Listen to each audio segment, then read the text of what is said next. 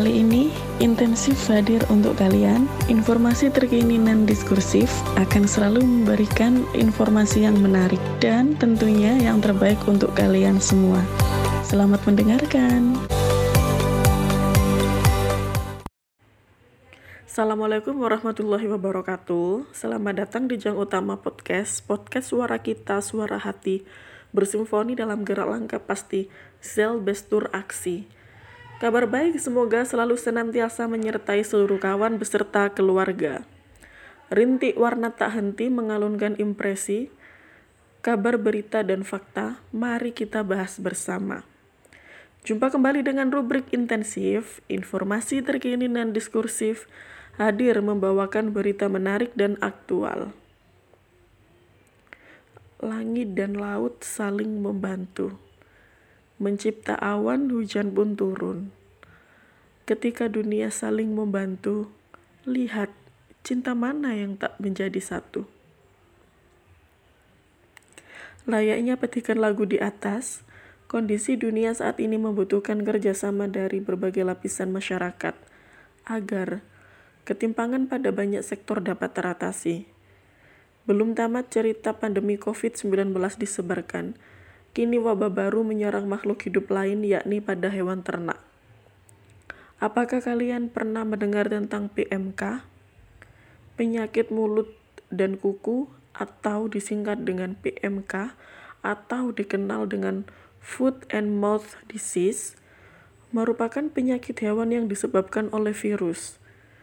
Bersifat sangat menular dan menyerang hewan berkuku genap atau belah seperti sapi, kerbau, dan kambing. Penyakit ini memiliki dua kategori gejala. Yang pertama, gejala klinis ringan, biasanya ditandai dengan hewan ternak lesu, tidak nafsu makan, demam, lepuh pada sekitar dan da di dalam mulut lidah, gusi, serta mengeluarkan air liur berlebihan dari mulut.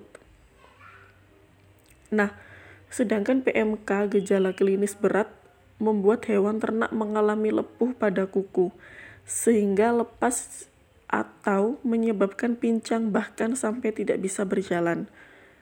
Majelis Ulama Indonesia atau MUI telah menerbitkan fatwa nomor 32 tahun 2022 yang berisi tentang Aturan untuk hewan yang memiliki gejala klinis berat tidak sah jika dijadikan sebagai hewan kurban.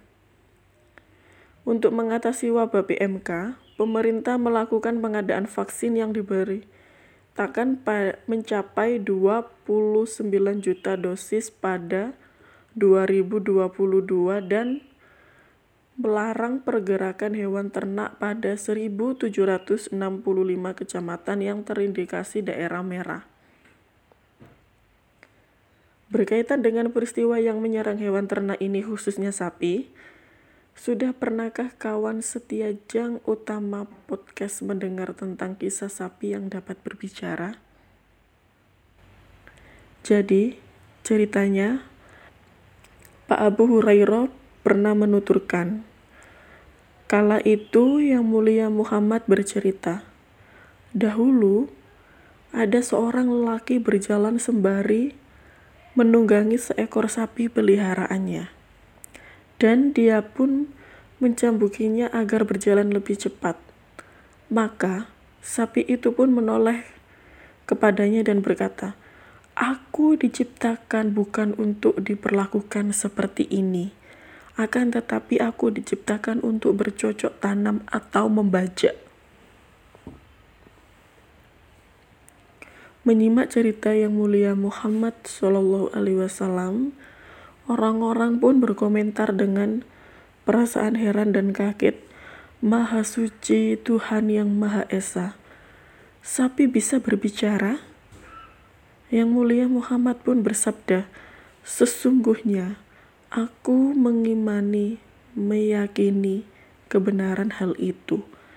Demikian juga sahabat Abu Bakar beserta Umar. Kisah ini memberikan pesan kepada manusia agar tidak serta-merta berbuat zalim, Kezaliman adalah menempatkan sesuatu yang tidak pada tempatnya, seperti halnya membiarkan tumbuhnya pluralisme. Pluralisme merupakan sebuah ideologi sekuler di mana sebuah ideologi bisa diterima.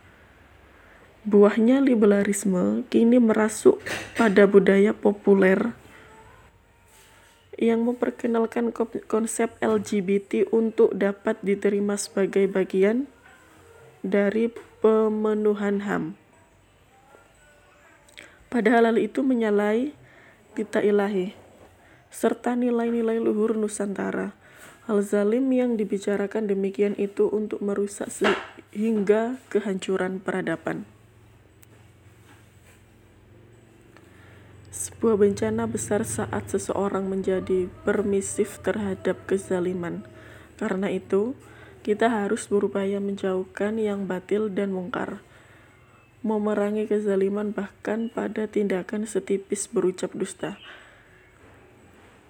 Terima kasih sudah setia mendengarkan dan mengikuti Jang Utama Podcast. Senantikan dengan berbagai rubrik menarik berikutnya. Sampai jumpa.